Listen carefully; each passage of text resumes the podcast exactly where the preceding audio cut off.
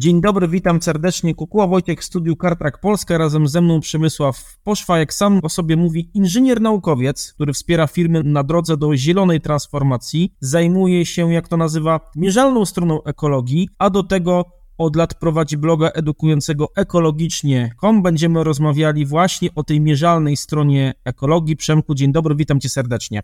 Dzień dobry, witam cię Wojtku, witam państwa. Przemku, teraz padnie kilka skrótów, które dla sporej części naszych słuchaczy mogą być niezrozumiałe i będę Cię prosił o ich nie tylko rozwikłanie, ale powiedzenie, z czym to się wiąże i jakie są konsekwencje przez to dla polskich firm. W życie weszła dyrektywa CSRD, która za pomocą standardu raportowania ESRS, najwyżej mnie poprawisz, nakłada pewne obowiązki na polskie firmy. Powiedz proszę, czym jest ta dyrektywa, o co mhm. chodzi z tym standardem raportowania, no i finalnie, jakie te obowiązki dla polskich firm są.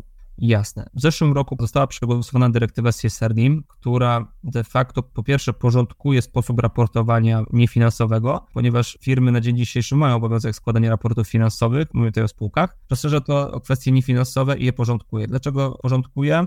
ponieważ wcześniej firmy mogły raportować według dowolnego standardu, teraz jest to jeden standard ESRS, a dlaczego rozszerza? Ponieważ wcześniej obejmowało to przede wszystkim duże podmioty, a dzisiaj pod obowiązek raportowania niefinansowego będą podlegały firmy zatrudniające powyżej 250 pracowników, firmy, które mają roczny obrót powyżej 40 milionów euro oraz lub, teraz wytłumaczę, sumę bilansową powyżej 20 milionów euro. Jeżeli firmy spełnią dwa z tych trzech kryteriów, to będą podlegały pod obowiązek raportowania. Obowiązek raportowania jest, powiem szczerze, dość rozbudowany, ponieważ na dzień dzisiejszy jest de facto 10 po ostatnich zmianach obszarów, których może być konieczność raportowania. Już tłumaczę.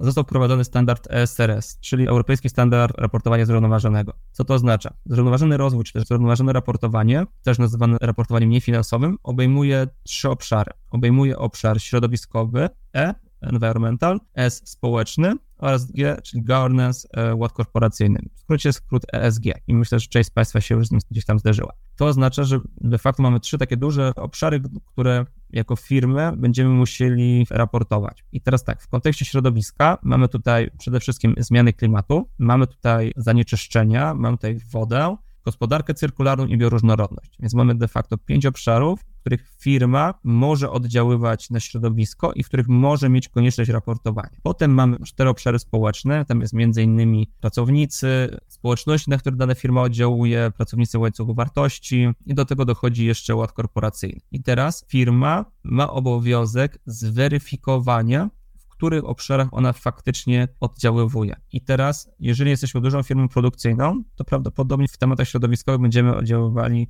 w wielu miejscach. Nie zawsze to musi być bioróżnorodność, bo jeżeli nie pozyskujemy surowca drzewnego, no to niekoniecznie ta bioróżnorodność może być dla nas istotna. Podobnie, jeżeli mamy wodę w obiegu zamkniętym i nie pobieramy dużej ilości wody do naszej produkcji, no to też znowu woda niekoniecznie musi być w naszym obszarze zainteresowań, ale zazwyczaj zanieczyszczenia, gospodarka cyrkularna i zmiany klimatu, czy też ślad węglowy, bo ślad węglowy jest pewną formą mierzenia tego, jakim oddziałujemy na klimat, to prawdopodobnie będzie podlegać. Jeżeli chodzi o sprawy społeczne, to też zależy od łańcucha dostaw, od specyfiki działalności, tutaj też różnie może być, no i ład korporacyjny, czyli chociażby kwestie związane z defraudacjami, kwestie związane właśnie z taką praworządnością, to też jest tutaj do zaraportowania. Więc mamy tutaj dość szerokie spektrum informacji, które firmy będą musiały z swojej organizacji de facto pozyskać, a w przypadku działań środowiskowych i niektórych społecznych również z zewnątrz. W związku z czym ten obowiązek jest, nie ma się co oszukiwać, dość duży. Oczywiście mamy tutaj sporo czasu jeszcze, znaczy teraz tego czasu nie masz tak dużo, bo w momencie, kiedy ta dyrektywa wchodziła prawie rok temu, została przegłosowana, to tego czasu było sporo. Teraz większość firm, o których mówiłem, to jest około 3000 firm w Polsce, 50 tysięcy firm całej Europy,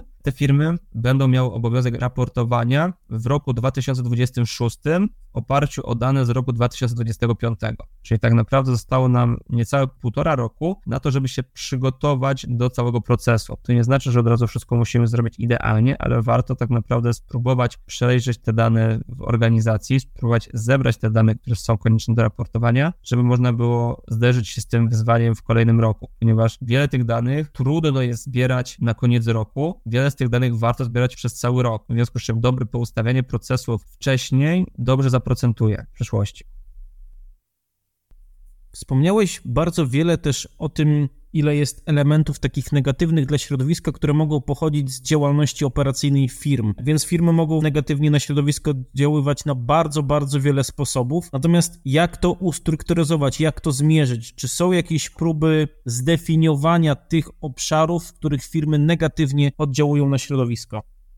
Oczywiście. Teraz tak, mamy wiele standardów do kwantyfikacji naszego działania. Kwantyfikacji, czyli po prostu liczenia mierzenia. Jednym z podstawowych z nich to jest tak zwany standard GHG protokol, czy GHG protokol, który służy do mierzenia śladu węglowego. Ślad węglowy to jest nic innego jak emisje gazów cieplarnianych, które nam zaburzają funkcjonowanie naszej planety poprzez efekt globalnego ocieplenia. I teraz tak, jest to jedna z wielkości i wiemy, jaki mamy cudzysłowy budżet, czyli ile możemy jeszcze wyemitować, żeby ta temperatura nie wzrosła o określoną wartość, więc jesteśmy w stanie sobie tutaj oszacować, jak bardzo negatywnie oddziałuje oddziałujemy. Ale jakby nie patrzeć, no jest to coś takiego nienamacalnego, no bo emitujemy sobie jakieś gazy, których de facto mamy kilkaset części na milion w powietrzu, nie ma tego dużo, no i tutaj możemy sobie długofalowo obserwować zmiany, ale nie jest to przypisane do konkretnego miejsca. Oczywiście te oddziaływanie potem wpływa na konkretne miejsca, bo czy to nam Polska wysycha poprzez zwiększone parowanie, bo temperatura w ciągu ostatnich kilkudziesięciu lat średnio latem wzrosła o 2 stopnie, zimą również o 2 stopnie, więc mamy w Polsce bardzo wyraźne to ocieplenie, większe niż innych regionach świata, czy też zaczynają nam usychać z tego powodu lasy, czy też w niektórych miejscach podnosi się poziom wód, czy też następują katastrofalne opady, bo nie wiem, czy słyszałeś, ale na południu Europy w jeden dzień czy w kilka dni spadło tyle opadów, co w Polsce spada w, cały, w ciągu całego roku, więc wyobraź sobie, jakie tam musiało to przynieść zniszczenia. Więc są to rzeczy, które nie są bezpośrednio zlokalizowane, ale są rozproszone po całym świecie. Oprócz śladu węglowego mamy wiele różnych innych oddziaływań. Mamy tutaj chociażby zakwaszenie środowiska, eutrofizację wód, mamy tutaj tyły zawieszone, mamy ekotoksyczność, czy są to inne, nazwijmy to wskaźniki środowiskowe, które jesteśmy w stanie wyliczyć za pomocą tak zwanej oceny cyklu życia Cyklu życia stosuje się głównie dla produktów, ale jak się człowiek uprze, to dla firmy też myślę, że da radę to zastosować. Jesteśmy w stanie wtedy określić, jakie inne negatywne oddziaływania my tutaj ze sobą niesiemy. No ale znowu, to są pewne wskaźniki, które określają nam te obciążenia globalnie. No bo nie wiem, znowu są to jakieś gazy, znowu jest to jakaś woda, która gdzieś sobie płynie, znowu są to jakieś emisje do gleby, potem to przenika do niższych warstw na przykład, no i znowu nie jest to takie precyzyjne.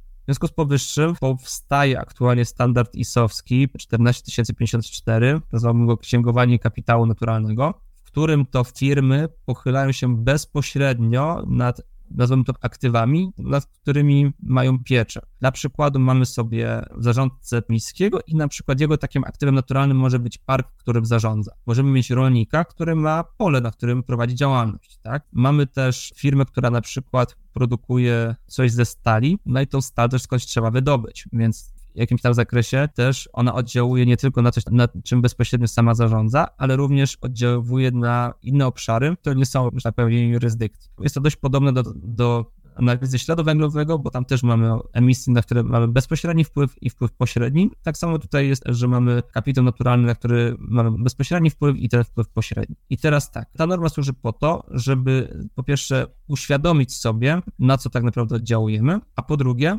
określić pozytywne lub negatywne przepływy, bo dla przykładu, jeżeli jesteśmy rolnikiem i prowadzimy gospodarkę rolną, która będzie bardzo erozyjna, czyli oramy glebę, doprowadzamy do jej wietrzenia, to w tym momencie wygenerujemy ją. Ale z drugiej strony, jeżeli wprowadzamy uprawę bezorkową albo wprowadzamy zadrzewienia śródpolne, to nagle może się okazać, że na przykład poprawiamy stan gleby, poprawiamy sekwestrację dwutlenku węgla i teraz sekwestracja, czyli wychwytywanie dwutlenku węgla w glebie, co nie przekłada się bezpośrednio na nas, ale na przykład przekłada się na wszystkich ludzi na całej Ziemi, tak? No bo jeżeli chcemy nie mieć zmian klimatu, no to ta sekwestracja nam jest niezbędna. Dalej, jeżeli wprowadzamy na przykład zadrzewienia śródpolne, czyli wprowadzamy pasma drzew, gdzie zwierzęta mogą się skryć, na przykład robimy rowy melioracyjne, rezygnujemy z upraw na jakiejś części pola, żeby po prostu dać miejsce dla zwierząt, to w ten sposób my możemy pozytywnie wpływać na różne aspekty związane z tak zwanym kapitałem naturalnym. Tutaj, czy to będzie właśnie bioróżnorodność, dostępność różnych gatunków zwierząt, zapylaczy i tak dalej. I w ten sposób my na podstawie różnych narzędzi możemy też to przeliczać potem na konkretne wielkości monetarne. Możemy posługiwać się wielkościami liczbowymi, a możemy dobre dane też również przeliczać na po prostu na liczby, na jednostki monetarne. Także to narzędzie jest dla firm, myślę, że dla świadomych firm, ponieważ na dzień dzisiejszy dopiero raczkujemy, tak bym to ujął. Mamy trudności z policzeniem śladu węglowego, a teraz zabieranie się za określenie tego, ile gatunków zwierząt występuje na naszym terenie, myślę, że to jeszcze nie ten etap. Niemniej standard dopiero powstaje i będzie gotowy za jakieś 2-3 lata i myślę, że wtedy, kiedy ta świadomość firm wzrośnie, będzie to naprawdę wspaniałe narzędzie, żeby spojrzeć szerzej na nasze oddziaływanie.